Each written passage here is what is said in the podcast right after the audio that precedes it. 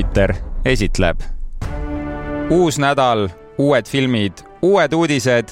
just see on Planeet Hollywood podcast, kus me räägime meelelahutuslikest filmidest ja veedame mõnusat aega aga sa unustasid Richard öelda, et saatejuhid on samad iga nädal äh, Andre ja Richard siis ja filmisõbrad, kes toovad südamesse, südamesse just filmide arvustusi, räägime ka natukene filmimaailma uudistest. täna oleme välja valinud näiteks äh, Jack Snyderi Rebel Mooni filmi uue treileri, mis tuli välja, räägime natuke sellest. mina räägin ka veel sellest, et Mihkel Raud, äh, üks raamat saab endale filmi, aga mis see on, seda kuuled juba siit Planeet Hollywoodist, aga mis sul uudisteks on? Ja mina valisin Michael Jacksoni eluloo filmi üheks uudiseks ja no ei saa üle ümber praegu, mis toimub Sandra Bullocki Blindside'i ja Michael O'Hari ümber mm, -hmm. et räägime natuke sellest ja loomulikult filmid ise nädalanaelad, meil on lausa kolm neid seekord. me oleme hullu pannud, äh, meil ei ole mingit puhkamist, ainult vaatame, vaatame, vaatame, aga tõesti, valik on suur, kuigi võiks arvestada, et need ei ole võib-olla maailma kõige suuremad filmid, siis äh, Demetri viimane merereis, Vabaduse hääl ja muidugi Sinine põrnikas, äh, mis on selline mõnus superkangelaste film, aga, aga seda kõike meie sellise saate jooksul, nii et kõrvad kikki, aga kuidas meil traditsiooniks saanud on asi, siis väike soojendusküsimus ja mida teha siis, anna nüüd inimestele selline hingesoovitus või ravi, et mida teha siis, kui pole nagu mitte midagi vaadata. et kuidas sul see on, et eh, kas sa kuidagi kerid läbi? Või ma küsingi sinu tehnikat siis. Või sul on mingi nimekiri valmis tehtud? Või kuidas nendes olukordades hakkama saada? Või lihtsalt lähed vihaseks? Oota, sa mõtled, kui ma scroll in äh, ei, mingit? ma, äh, mõtlen enne, kui sa veel scroll imiseni jõuad, kui sa jõuad koju, käid vetsus ära, pesed käed ära, sööd kõhu täis ja nüüd oled hetke ees ja mõtled, et tahaks midagi vaadata, aga mul ei ole otseselt midagi vaadata, siis kuidas sa oma selle uudishimu ära rahuldad hmm.? oota ma nüüd ikkagi ei saa, ma ikkagi ei saa aru, sest kui ma koju jõuan, esimene asi, mis ma teen, on ma panen teleka käima. No, ja see telek... läheb kohe taustale. ei, absoluutselt, mina teen ka sama, mina panen Office'i peale, aga Oota, ma vist tähend... ei saa su küsimusest aru. no vot, ma siis vastan iseenda küsimusele, Andri, mida sa teeksid siis hmm.? ei no ma lihtsalt leian ennast ka tihti olukordadest, kus mul on kõik asjad vaadatud. jah, ma võin vaadata asju, mis äh, mul on kuidagi nimekirjas, aga neid ma ei taha vaadata. siis mul on äh, mõned sarjad, mida ma olen kümme korda näinud, tahaks midagi head ja uut ja mida mina teen vähemalt, on Nii. see, et eh, ma valin kõikidest streaming ja kõik igasugused platvormid käin läbi, teen kolm valikut ja siis mu elukaaslane valib nendest kolme valiku vahel, et millist siis, millist siis täna vaadata ja, ja siis minule selline eeltöö ja siis tema valib ja, ja me, meil ongi niimoodi lahendatud, kui mitte midagi ei ole vaadata. et muidugi on neid olukordi, kus on mingid asjad, mida ma tahan vaadata, mida ma tean vaadata, aga, aga ma tean väga palju, paljudel inimestel ongi, võib-olla kuuled Planet Hollywoodi, võib-olla vaatad mujalt soovitusi, et kust sina saad selle inspiratsiooni, hõngu ja no mul on üldiselt niisugune nimekiri äh,, watch list, kus on mul kõik filmid äh, üles reastatud, mis mul veel nägemata on ja mis ma näha tahan, et äh, üldiselt ma pean tunnistama, et ma pigem teen jõuga ise selle otsuse ka okay. oma elukaaslase ees. ei, ei, ma tegelikult päris nii üle ei sõida, aga äh, noh, teda nii palju ei, ei ole kursis nende uute asjadega, mis tuleb, et ma ütleks ka, et tegelikult üsna sarnaselt, et mina pakun variante ja kui äh, siis mingi nendest kinni jääb seinale, mis sobib, siis põhimõtteliselt peale lähebki. aga ma saan aru, et sul on selline nimekirja loogika, kus sa, või kuhu sa selle nimekirja teed, lihtsalt notes idesse? ei, mul on niisugune äpp nagu Letterboxd, kus ma panen mm. kõik äh, reitingud ja nimekirjad, asjad äh, ja sealt võtan no,. jah, vanasti, vanasti kasutasin IMDB seda watchlist'i ka. ma mõtlesin, et Hoti või mingit asja, et panid hot äh, sinna endale nimekirja ja, ja nii edasi, nii edasi, aga, aga ma tean, et paljud on selle olukorra ees, ma loodan, et äh, vähemalt selle äpi näol, Letterboxi näol nad said, inimesed said inspireeritud nüüd, aga, aga kuna meil on ka selline väike rubriik veel, kes teab, see teab mm., viskame pilgu filmi ajalukku, siis toome ka tänase päeva fakti, täiesti suvalise fakti. ma, mul pole õrna aimu ka, mis sa seekord no, valisid. aga sulle tualetis meeldib käia? tuleb käia. kas sa tead, kuna üldse esimesena näidati mõnda sellist tualetitseeni ja mis filmis see või, võis olla? okei okay,, see film on liiga raske, aga oskad, öelda, mis aastal täiesti umbes? Äh, kui ma hmm,, tualetitseene, no kõige tuntum, kõige kuulsam äh, nagu WC-stseen tuleb mul meelde ikkagi filmis Psühho mm. -hmm. Äh, Alfred Hitchcocki kuulus stseen, kus no, siis täpselt. naine põhimõtteliselt rapitakse ära seal kardinate taga. seal ongi see, et lastakse vett, näidatakse ja. vetsu ja siis toimub selline ütleme, korralik hakkimine vastu ust ja nii edasi ja nii edasi. aga see on täiesti õige vastus, sellepärast et, et esimene üldse, kus näidati kinoekraani peal suurelt WC-potti vesi, vett alla minemas, oligi siis tuhat üheksasada kuuskümmend Alfred mm -hmm. Hitchcocki äh, Psychos ja, ja täpselt selline see päeva fakt ongi. Ma mõtlesin kusjuures WC-s millegipärast, et millal näidati, kui see esimene inimene potil käis mm. filmil, aga seal, seal seda ei näidata. siin on jah, inglise keeles on flushing the toilet ehk siis vett vetsupotist alla ajama, võib-olla mõni potikaader jäi varem ka ekraanile, aga vot selline päevafakt, nüüd saate minna õhtul söögilauda ja õlad võivad suht laiad olla, sellepärast et teised ei tea. Või siis hoopis, kuna me oleme siin podcast'i vormis, siis võib-olla keegi kuulabki meid, on parasjagu WC-s no, tervitused no,. seda ma ei ole kunagi mõelnud, aga sul võib täiesti õigus olla. aga WC-s kõlabki kõige paremini muude tegevuste kõrvale uudised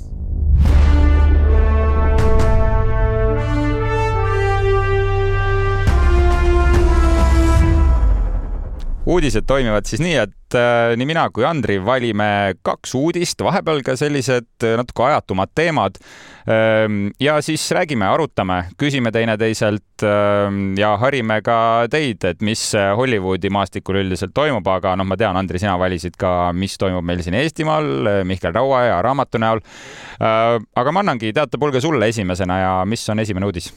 Ja selline film nagu Rebel Moon mm., mis peaks silmavalgust nägema selle aasta, no täpselt ei tea, aga äkki siin täiesti lõpus äh, kunagi või järgmise aasta äkki alguses, aga selle äh, nii-öelda tegijaks, äh, director'iks on Jack Snyder ja seda meest ju tunneme ka superkangelaste maailmas, tema on aidanud produtsendina Wonder Womanit teha, režissöörina Watchmeni, ta on ka Justice League'i teinud ja tal on ka selline tuntud film nagu kolmsada, kus spartalased yeah. panevad ringi, nii et noh, tal on see ampluaa ikkagi väga lai, Batman versus Superman.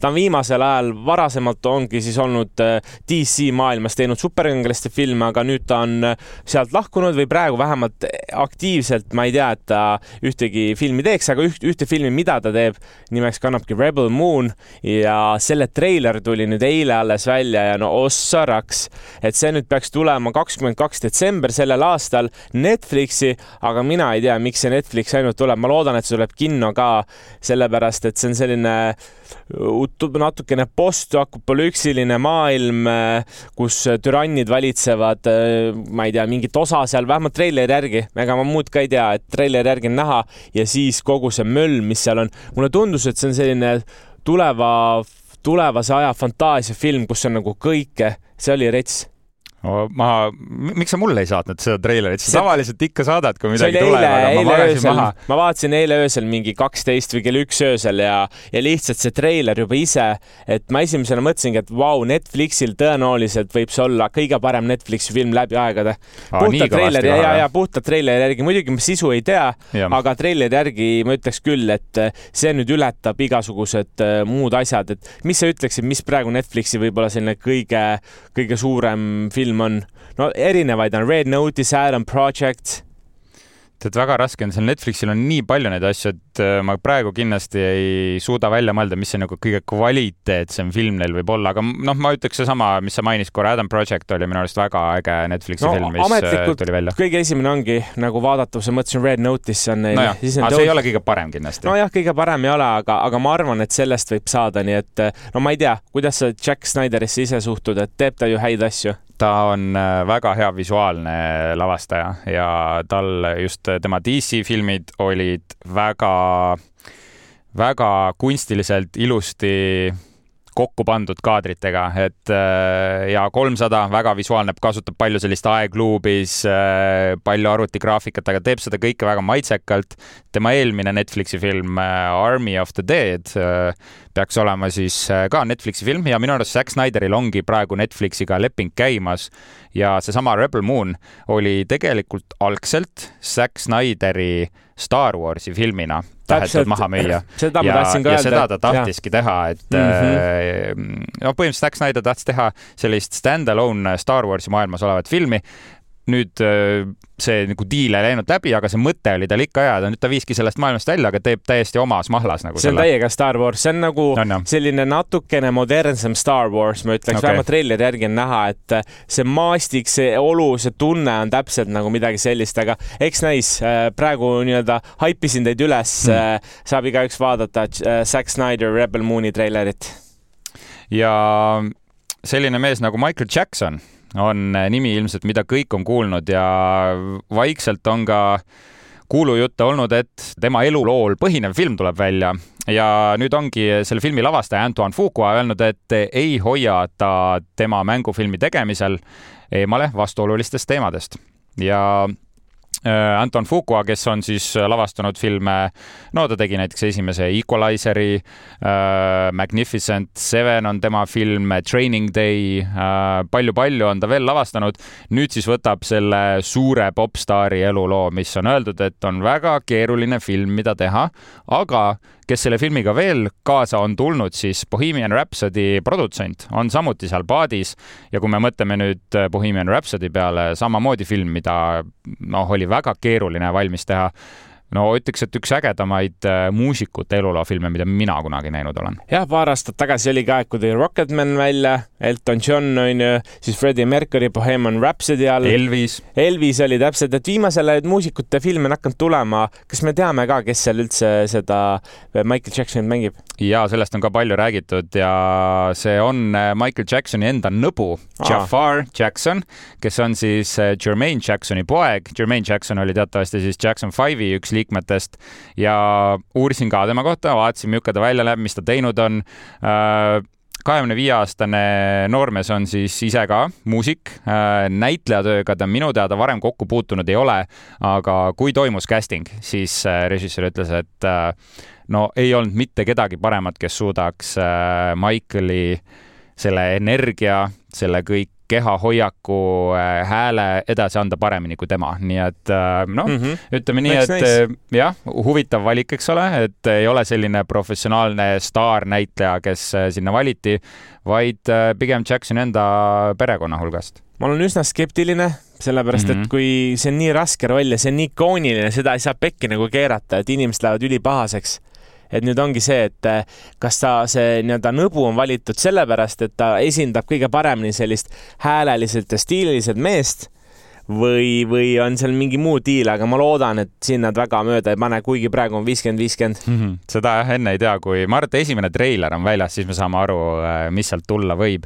ja, aga mis eh, mis on veel huvitav just, eks ole, üks näitleja pool ja siis teine, et äh, mida režissöör ütleski, et nad ei hoia eemale nendest skandaal, skandaalsetest teemadest, mis teda ümbritsesid ja kui Jacksoni perekond ise on ka selle projektiga seotud, noh, see tekitab kohe küsimuse, et kuidas, äh, kuidas see perekond nõus on nii avalikult või nii ausalt äh, sellest kõigest rääkima.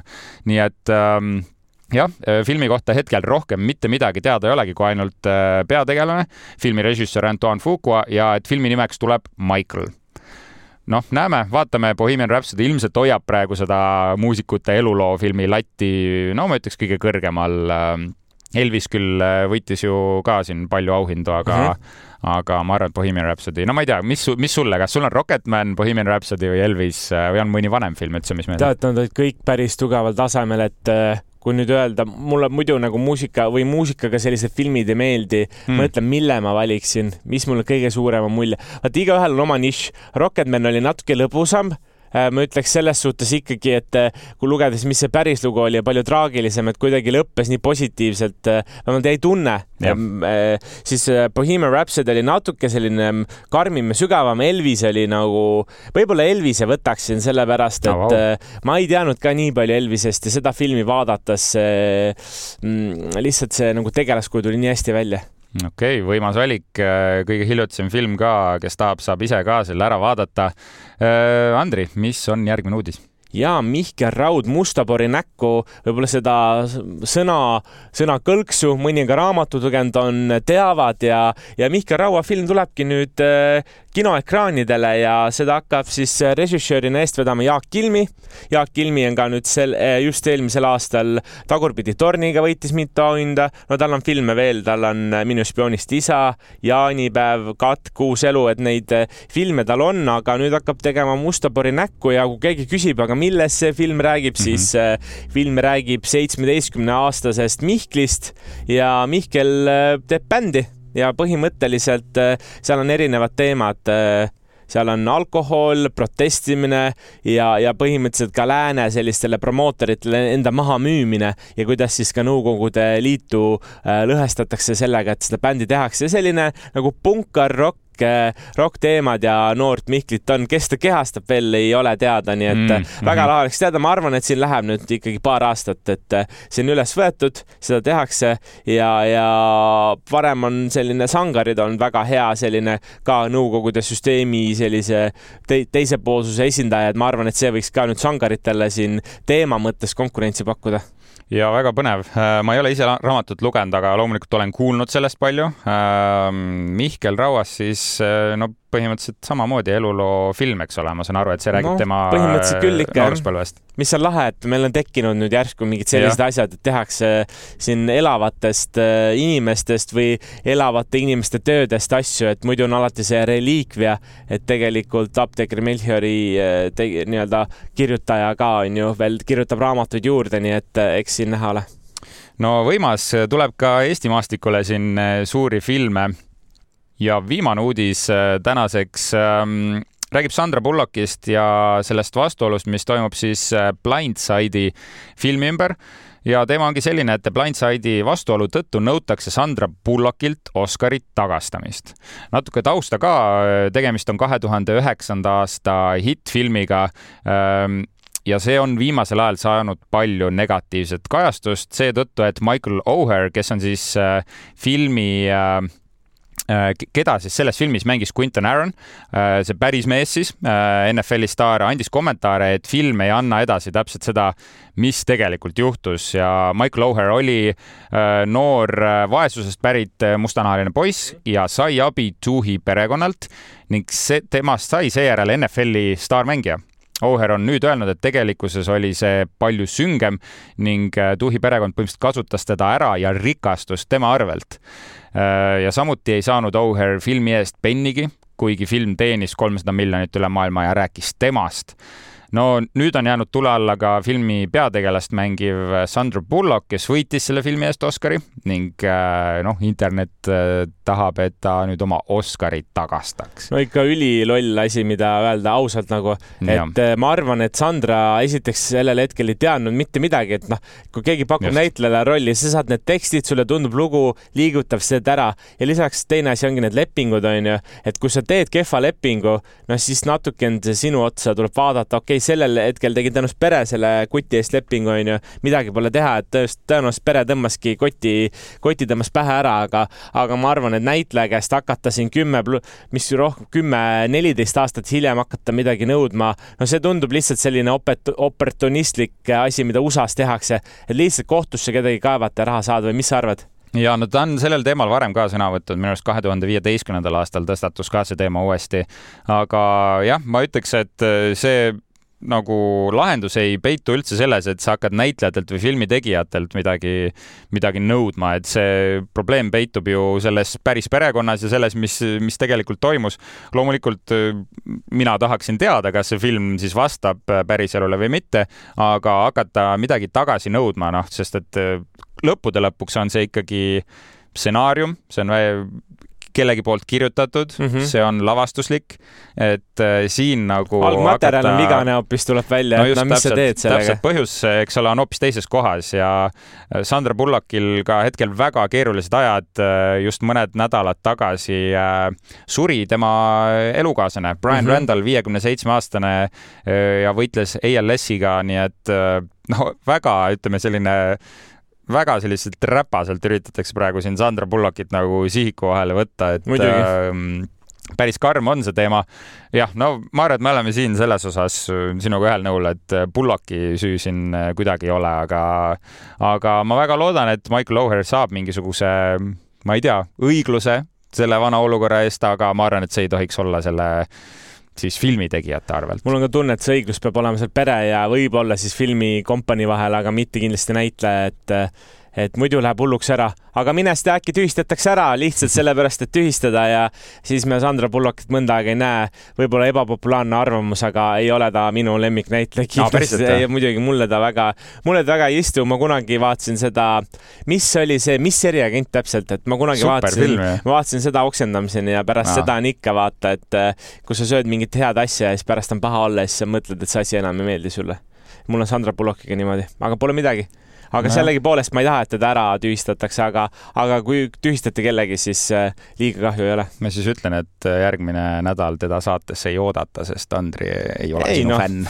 ei oodatakse ikka, et ärme, ärme seda minust tee, aga lihtsalt, äh, lihtsalt on asjad nii täitsa arusaadav. selleks korraks ongi meil uudistega ühele poole saadud ja nüüd läheme selle kõige magusama osa juurde, nädala nael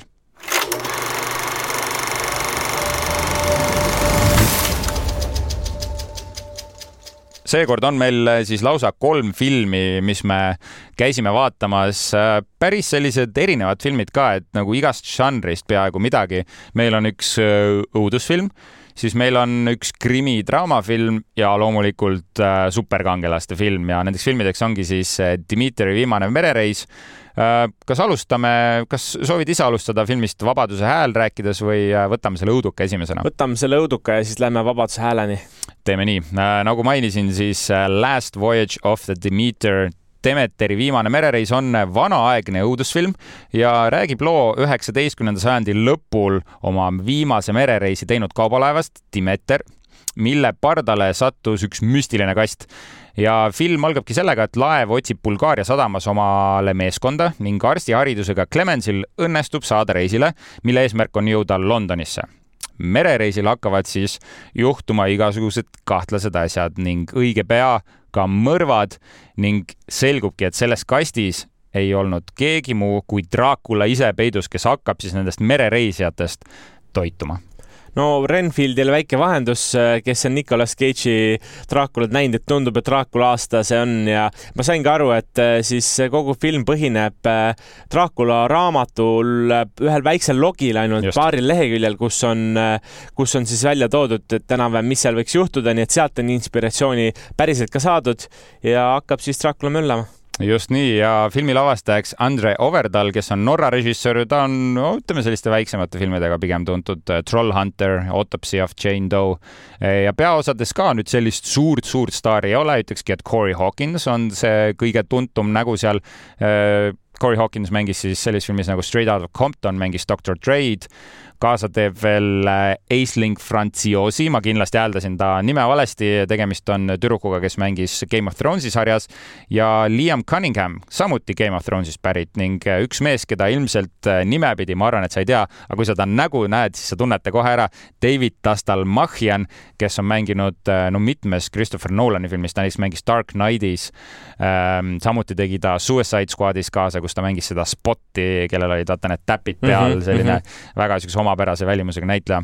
mis äh, esmamulje sul sellest filmist jäi, kas see oli kuidagi selline, et olid pahviks löödud või, või mis tundega sa kinost tulid? Äh, ma kinno läksin väga mm, ootus äh, sellise ootusrikka, ootusrikka tundega ja et, sest see film ise turundas ennast kui selline alienilik äh,, aga no, vanaaegne õudusfilm ja pidi, jah, pidi seda Draakulat näitama siis oma kõige hirmsamas ja ohtlikumas olekus. Ja no ma ütleks, mingil määral see film suutis seda teha, ta oli väga sünge ja tekitas selle klaustrofoobilise tunde, sest kui sa paned nagu merereisil oleva öö, kaubalaeva pardale kogu tegevuse, noh, sul on juba väga hea setting, sul on juba väga hea idee, aga lõpuks ma ütleks, see film jäi ikkagi üsna selliseks etteaimatavaks ja puudus niisugune teravus ja värskus. aga mis sulle meeldis seal, mis olid need kohad või hetked, kus sa tundsid, et, et oo, mega hea ja mega lahe? ma ütleks, et see olustik, atmosfäär ja visuaal oli kõige tugevam külg, see oli, seal see film väga meenutaski tulnukat ja ja üldse selliseid võib-olla alguses siukse aeglase kul-, kulgemisega vanaaegseid õudukaid.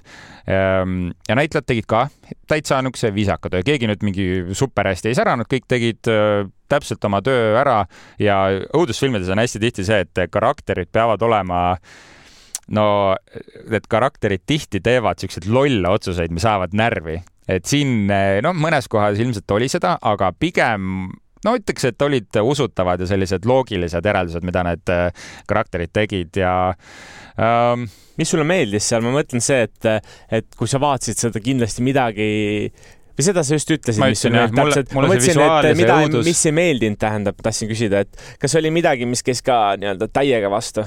Äh, kusjuures midagi sellist ei olnud, äh, pigem lihtsalt see, et ma ei saanud mitte midagi väga uut sealt, kuidagi etteaimatav oli. Noh, niisugune järjekordne Dracula film, jah, see Dracula oli täiesti teistsugune ja, ja lõppude lõpuks väga palju seda karakterit ei avatudki, mis mulle meeldis, tihti just see hoiabki seda põnevust ja müstilisust. Ja jah, ma ütleks, noh, kui ma võrdleks nüüd seda Renfieldi filmiga, mis oli hoopis teistsugune, see oli action komöödia, siis no Renfield meeldis ikkagi rohkem, et äh, Demeteri Viimane merereis äh, ma ütlen, sobib täpselt sellesse meie reitinguskaalal keskmisesse ja kes ei tea, siis äh, meil on selline, sellist kolm kategooriat, kus me filme paneme. üks on see, et superhea film, seda peab kindlasti kinno vaatama minema. keskmine kategooria on see, et seda filmi võid kinno vaatama minna, võid ka nägemata jätta, midagi ei juhtu ja film, millest võiksid hoida kinodes eemale.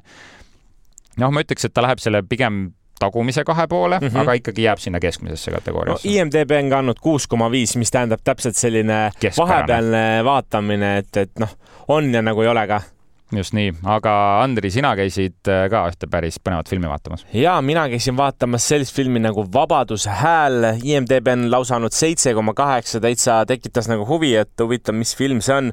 no ma alustan sellega, et see on raske film, esiteks, et mm -hmm. räägib raskel teemal, räägib inimkaubitsemisest ja täpsemalt äh, laste kaub-, kaubitsemisest, aga, aga see sisukirjeldus ongi selline, et igal aastal langeb maailmas inimkaubitsejate ohvriks sadu tuhandeid lapsi pääseda tegelikult õnnestub ainult vähestel ja see on ka üks nendest lugudest, see on äh, siis tõesti sündinud lool põhinev äh, selline, ma ütleks, draama, ta on mm -hmm. ikkagi draama ja natuke sellist äh, mm, noh, märulit ka ja biograafiat ka, nii et aga, aga pärast seda, kui föderaalagent Tim Ballard päästab ühe röövitud poisi saab ta peagi teada, et selle poisiõde on ikkagi vangistuses ja midagi murdub selles äh, siis ära ja ta otsustabki minna ohtlikule missioonile, et see tüdruk päästa ja tegelikult ongi filmi nii-öelda sees näha, et ega ta täpselt ka ei tea, kus see tüdruk on ja kui inimkaubitsemisega tegeletakse, siis juhtub see, et, et see inimene, see võimalus leida see inimene on ikka väga väike ja neid röövimisi tehakse ka täiesti suvaliselt, et sealt filmist oli ka näha, et kui te arvate, et röövitakse niimoodi, et peab olema laps kuskil räämas või midagi. ei, seal oli, seal oli üks naine, kes tegi siis modelliagentuuri vastuvõtte ja, ja ütles, oo, sul on ilusad lapsed, too siia ja siis äh, sõitis ära, nii et ta selline tõesti sündil, tõesti sündinud lool põhinev draama on, kus siis üks agent käib ringi ja proovib seda õiglust jalule saada ja see film kõlab väga sarnaselt ka Man on Fire'i filmile mm, -hmm. kus mhm. Denzel Washington läks äh, inimröövi äh, ohvrit päästma. Äh, Jim Caviezel mängib selle filmi peaosas näitleja, kes mulle väga meeldib, kuid kes on noh, jäänud pigem selliseks võib-olla B-kategooria staariks, et on temaga ka filmivõtetel erinevaid probleeme olnud, olen lugenud tema kohta, et vist on tegemist väga religioosse mehega, kes isegi mm -hmm. filmides keeldus äh, suudlemis- või armastusstseene äh, naisnäitlejatega kaasa tegema. et selline huvitav fakt võib-olla tema kohta. ja siin seda otseselt tõesti näha ei olnud, aga, aga miks see film teemas on, miks ta on ka nii kõrge hinnangu saanud, et võib-olla nüüd ta ei ole klassikaline selline filmisõbra film, et kui sa loodad, et reedel õhtu, reede õhtu õhtu mõnusalt äh, tahaks rahulikult võtta, vaadata mingit action'i, siis äh, seda kindlasti seal on, aga ta ei ole selline võib-olla lõbus film, et äh, teema on raske, aga ma arvan, et selle filmi puhul ei ole mindud niimoodi, et võetud näpud ja haava sisse lükatud, vaid ikkagi ta ka proovib pehmemalt seda teemat edasi anda. sellepärast ta on ka üsna vaatajasõbralik ja see laste näitlemisoskus on fenomenaalne. Mm.. ma ei tea, kas on ühtegi filmi, tõenäoliselt on veel filme, kus lapsed teevad ulmelisi nimeliselt hea töö, aga see, kuidas nad mängivad neid ohvreid ja asju, et vahepeal tuleb endale lihtsalt koputada, öelda, et aga see ei ole päris, see ei ole päris, et nad teevad seda filmis, aga, aga no nii hästi tehtud tõesti kas sa ütleksid, et selle filmi reiting, mis sa mainisid, seitse punkt kaheksa IMDB-s, kas see õigustab ennast? ma arvan jaa, seitse koma viis, seitse koma kaheksa võiks talle vabalt anda, et, et jah, siin ma ei tea, ma mõtlen, mis selle filmi kohta veel öelda sellist, sest noh, visuaalselt seal noh, ta ei ole mingi Marveli, kus oleks eriefekte hullult palju, et visuaalselt oli nagu mitte midagi võrratut või mitte midagi imelist, aga just sisuliselt, et, et võt-, võetud raske teema, võetud pulkadeks lahti ja mindud siis sellega jooksma. et, et ma, mul, ma jään kuidagi sõnadest täna puudu, aga ma mäletan, ma tulin välja, et siis vaata, mõnikord tuled kinost välja täiesti šokis, et mul seda šokki nagu ei olnud, aga mul oli rahulolu et, et see film on tehtud, sest mul on tunne, et see film teeb kahte asja, et ta teavitab sellest probleemist nagu laiemalt, ma ei teadnud, et see ka laste kaubitsemine nii suur teema on ja, ja, ja mis nendega seal kõike tehakse, et selles suhtes oli ikkagi silmi avav okei okay., kas, noh, mina ei ole seda filmi näinud, see sinu seletamise järel mul tegelikult huvi kasvas paljuski, kas sa ütleksid, et seda peaks kinno vaatama minema kindlasti, võib kinno vaatama minna või hoia kinost eemale? Kuigi see film on hea ja selline päris huvitav, siis ma võib-olla ikkagi kõigile seda ei soovitaks, et mul on, mul on tunne, et eh, selle jaoks peab ise valmis olema ja just seda, et ma tahan minna midagi biograafilist vaatama. kuigi see Märulius on, siis eh, ma lähtuks sellest, et on draama ja kui sul draamafilmid meeldivad, siis mine, aga, aga ta on võib-olla jah, liiga nagu tume, et ma paneks ta keskmisesse kategooriasse, et võib minna vaatama, aga ei pea. see on ka ida, ideaalne selline ütleme siis diivanifilm, mida kodus vaadata selge pilt, äh, film, mis kindlasti ei ole diivanifilm, äh, vaid on pigem mõeldud suurele ekraanile, on meie järgmine valik ja selleks on Sinine põrnikas ehk Blue Beetle. Ja siinkohal on tegemist siis järjekordse DC filmiga, superkangelase filmiga ja loomulikult on see ulmemärul ja räägib see Jaime Reiesest, kes on äh, tubli ülikooliealine nooruk, äh, kes üritab tööd leida, et oma perekonda aidata ning ühtlasi ka ülikooli minna. olles latino päritolu ning vaesest perest, on tal äärmiselt keeruline seal karjääriredelit kuskilt alustada või jalga ukse vahele saada kuid ühel hetkel siis tabab teda maaväline skarabeus, kes valib ta välja ja Jaime Reyes saab endale üliinimlikud võimed, mis aitavad tal kurjusega silmitsi seista. ja alguses film ei olnud isegi mõeldud kinodesse, vaid HBO Maxi nii-öelda selliseks lisasisuks, aga, aga kuna nad hakkasid tegema, vaatasid, et tuleb päris vist vinge asi, siis otsustasid, otsustasid ka kinoreliisi teha ja miks mitte see lisaraha ära võtta absoluutselt, mina ütleks küll, et see oli sihuke täitsa efektne ja äge vaatamine asi just äh, suurelt ekraanilt. Äh, filmi lavastajaks Angel Manuel Soto ja näitlejateks äh, ütleme, siin on paari sellist, keda võib-olla võiks ikka ära tunda ka, näiteks Xolo Maridueña, kes on Karate Kidi spin-off sarjast Cobra Kai kuulsaks mm -hmm. saanud kaasa teeb veel äh, Bruna McKenzie, George Lopez ja Susan Sarandon. no Susan Sarandon on ilmselt see kõige suurem staar, kes siin filmis on ja tema mängib siis pahalast. aga pigem oligi see mõeldud kogu seda latino ja, ja seda nii-öelda kultuuri ja ühiskonda, nii nagu me oleme rääkinud, et tehakse ka multikultit ikkagi, võetaksegi siis äh, üks sektor maailma kultuurist ette, hakatakse sinna tegema. no siin oli väga selgelt näha, et oli tahetud mm -hmm. latino sellisele kogukonnale teha, kogu see peredünaamikat, see olemine, natuke viskas sellist kiiret ja vihaste perekonna mm nagu mudelit sisse, et selles mõttes oli hea soe. et, et kasvõi see, minu arust on treileris ka stseen, kui see kutt läheb siis esimesele töökohta ja siis pere tuleb mingi saatma ja kõik lehvitavad ja et sellist soojust on minu meelest täiega tunda.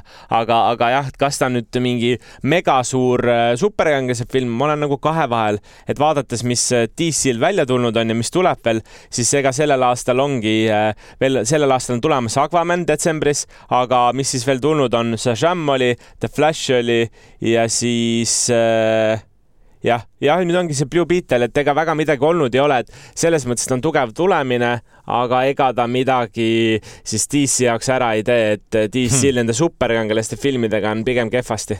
no ta ei sidunud ennast ühegi teise karakteriga, mis tegelikult oli tark otsus ja see film tehti tehti enne seda, kui äh, DC-s see uus režiim peale tuli. vaata nüüd nad äh, reset isid ära, kõik äh, timeline'id põhimõtteliselt kustuvad vist. no põhimõtteliselt hakkasid otsast veel... peale kogu seda maailma ehitama. noh, nad nagu üritavad hakata otsast peale, aga nad veel ei saa, sest neil on mingid filmid juba nagu torus valmis ja üks nendest oli ka Sinine põrnikas, eks Aquaman on veel selles vanas režiimis, eks ole.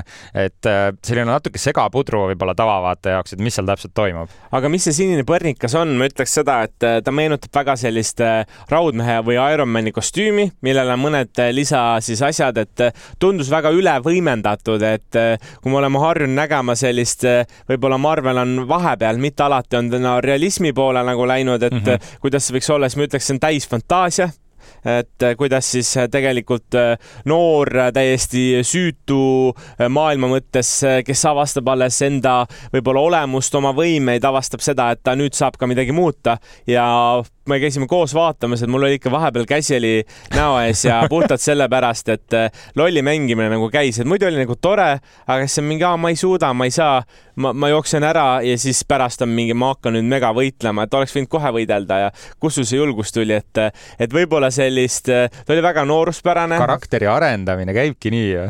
no tõesti, tõesti, tõsi, aga, aga noh, see oli väga selline nagu väga naiivsust oli minu jaoks liiga palju mm., aga ma saan aru, et ta on selline võib-olla noortele mõeldud. nooremale, noorele. nooremale, aga mitte nii ja. noortele kui viimasel ajal Marveli just, omad on. et ta on pigem selline mingi kakskümmend äkki mõeldud film ja, alla isegi ma ütleks, ma ütleks, ma ütleks reaalselt, et see film on niisugune kaksteist kuni kaheksateist võib-olla ideaalne isegi. võib-olla tõesti jah, et nüüd kaheksateist-aastased mingi oh,, ma ei tea, et aga ei, et oli nagu lõbus, et mhm. jällegi kuidagi tundub, et äkki me seisukohta ei võta, et võtan küll, et oli lõbus vaatamine see on midagi imelist, et äh, selline nagu okei. Okay jah, oma loo osas jällegi ei teinud ta midagi uut või huvitavat, aga või no huvitav oli, ütleme, mitte midagi liiga originaalset, aga mis selle filmi siis süda ja kogu see asi, mis mind väga kaasa elama pani, oli kogu see perekonna dünaamika ja see oli nii pagana naljakalt tehtud. George Lopez, kes mängis siis peategelase Jaimi onu no see oli karakter, põhimõtteliselt kui tema ekraanile tuli, ma hakkasin juba ette naerma, teades, et ta ütleb midagi naljakat ja ta pani, saad sa aru, see on karakter, kellel on äh, väga üle võimendatud mullet ja habe, mis on nagu niisugune nagu kitsehabe, mis on kokku seotud ja läheb umbes mingi nabani välja. Noh, see on juba äh, visuaalselt nii naljakaks ja üle võlli keeratud karakter, kes sõitis ringi ka siis ära tuunitud äh, pickup truck'iga, et ei no see oligi, ma arvan, et äh, sa ütlesid õigesti, et ma arvan, selle filmi kõige parem osa et perelugu pole nii hästi tehtud, tavaliselt on ikka kuidagi tüütu või kohatu, aga lihtsalt nagu neid peresiseseid nalju mida võib, võivad pereliikmed üksteise vahel teha, siis seal tagasi on toitud lihtsalt üksteise kallal lõõpimine kogu aeg käis ja, ja see oli tõesti lõbus, aga ma vaatasin ka, et mis see kassatulu tegi esimesel nädalavahetusel, ega ta mingit mega ei ole teinud, nelikümmend viis miljonit ainult äh, üle maailma, nii et ta on, ta tõenäoliselt jääb ka summa mõttes üks väiksemaid mm, -hmm. aga noh, ta ei tee nii palju kahju kui näiteks The Flashi film, mis on siis äh, ajaloost kõige halvem äh, DC superkangesti film läbi aegade kassatulu mõttes. ja kassatulu mõttes ja, ja, ja jah, ma arvan, et äh, Sinine põrnikas nagu teenib oma raha tagasi ja võib-olla veidi ka kopikaid peale. Äh, jah, kindlasti niisugust Flashi sarnast kaotusse sisse ei võta. ma arvan, et potentsiaalikas karakter kokkuvõttes, et mulle see peategelane Sholo Mariduena ise meeldib. ma ütleks, Cobra Kai's ta ei saa võib-olla nii palju näidata oma sellist siis range'i või nagu seda, milleks ta on suuteline mm, -hmm. eks ole. et siin, aga siin oli tunda, kuidas ta ise väga naudib seda rolli ja oligi niisugust, äh, nagu sina ütled, naiivsust selle kohta, mina natuke nautisin seda naiivsust, see oli kuidagi lõbusalt ja selliselt kaasakiskuvalt tehtud, et äh, aga mis ma ütleks jah, et need visuaalid olid võib-olla üks nõrgemaid kohti, et sa vaatasid ikka nagu mingit väga arvutimängu vahepeal, et no, selline väga noh, nagu odavama eelarvega võib-olla selline visuaalne trall seal käis. ma arvan, et siin oligi kompromiss tehtud äh, ühe superkangelase filmi juures see, et, äh, et kuidas see sisuline pool teha ja kuidas visuaalne pool teha, et, äh, et seekord oli mindud sisulise poole juurde mm -hmm. ja ma arvan, et potentsiaali on, et kui nüüd, nüüd nad otsustavad, et James Gunn avab siis selle uue DC universumi ja nad tahavad sinist põrnikat sinna, mida nad väidetavalt vist tahavad ka, siis, siis tegelikult on potentsiaali siit edasi minna. et nüüd, kui järgmised filmid on nagu veel paremad, siis ma ütleks, et äh, siit on, siit on meile uut asja küll ja, ja kui sa paneksid selle filmi kuskile kategooriasse, minna kindlasti kinno, mitte minna, võib minna kinno vaatama, kuhu paned? ma panen isegi sinna viimasesse, et ei ole vaja otseselt minna no, vaatama wow., et see on täpselt see, et äh, striimingus, kui ta. ehk siis ära mine kinno äh,. jah, ära mine, ma ütlen, et siin ei ole nagu väga vahet, et äh, point on lihtsalt selles, et kui see jõuab nüüd kuhugi, siis ma vaataks seda, aga kas ma endale sooviks, soovitaks, et kindlasti Andri, mine seda vaatama. ma olen nagu, ära mine. Mm. Jah, tegelikult küll, isegi ma pean, kui ma pean seda... karmim olema, ma lihtsalt olengi iga kord on see, et võib minna, muidugi võib kõiki filme võib minna vaatama, aga kas ma seda konkreetselt ütleks mine, siis ma ütleks, et ei, sellele Vabaduse häälel ma ütleks nagu, et, et võid minna, kui sa, sind huvitab see teema, siis jah, nii on okei okay,, no väga karm hoiak, eelnevalt oled ikka olnud suhteliselt sihuke leebem ja, ja vaatajasõbralikum, aga äkki see ongi meil uus Andri nüüd. uus Andri. karm kriitikumüts on peas ja enam kinno ei soovita minna. ei, ma teen nalja äh, ja, ja selleks korraks äh, sinise põrnikaga tõmbamegi siis nädala naelale joone alla ja astume Jupiteri nurka.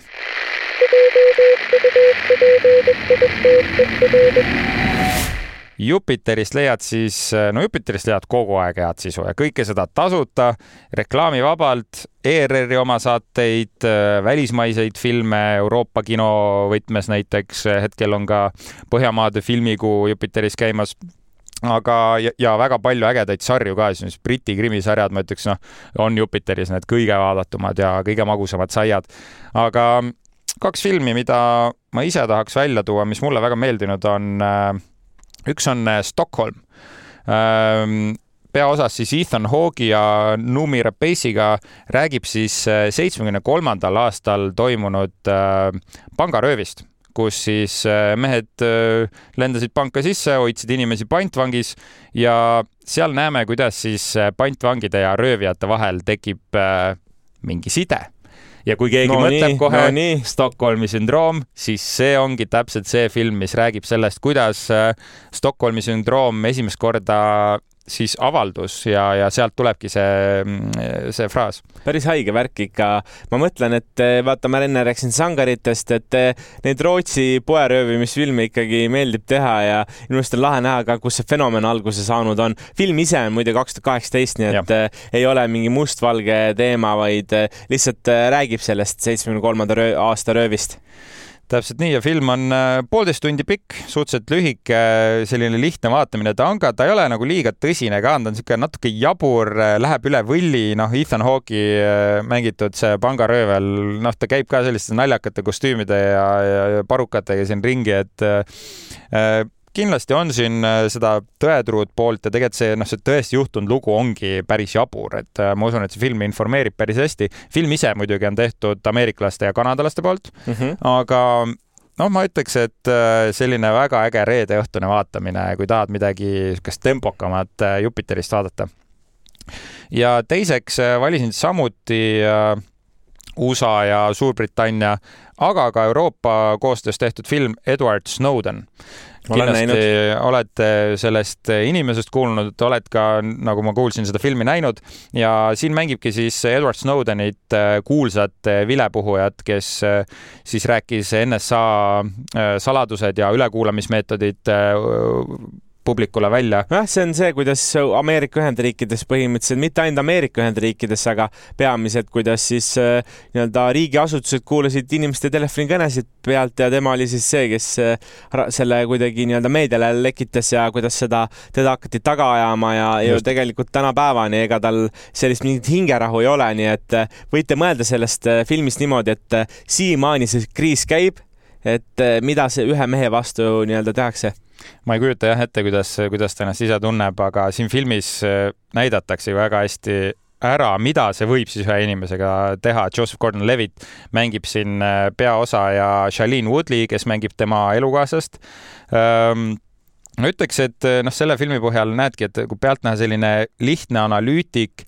kes lihtsalt otsustab ühel hetkel, et midagi tuleb ette võtta, vaatamata sellele, mis see endaga kaasa toob, et äh, filmi režissöör ka Oliver Stone, vanameister ise äh,, teinud palju-palju Hollywoodi kassahitte, ma tean mm, -hmm. see ei ole tema üks kõige kuulsamaid filme, aga mulle väga meeldib Any Given Sunday, kus mis räägib siis Ameerika jalgpallist ja äh, aga siin jah, siis film ise on selline tõesti sündinud loo põhjal biograafiline film, aga no ma ütleks, et tal on ka niisugust spioonipõneviku elemente juures, et mis teeb ta niisuguseks võib-olla Bourne'i sarnaseks spioon, noh, siin nagu action'it ei räägi, see Edward Snowden ei olnud mingi action kangelane, aga noh, niisugust spioneerimist, spionaaži, sorry, on nii palju. täpselt, mis siis, et te teate enam-vähem, mis lõpus juhtuma hakkab, aga pigem nüüd nüansid, et mis seal täpselt juhtus, kuidas see juhtus, mis pärast juhtus, on ju, et just seda ka riikide ja maailma reaktsiooni näha sellele olukorrale, ta on ju tõesti sündinud lool põhinev ja, ja päris palju selliseid häid detaile seal on.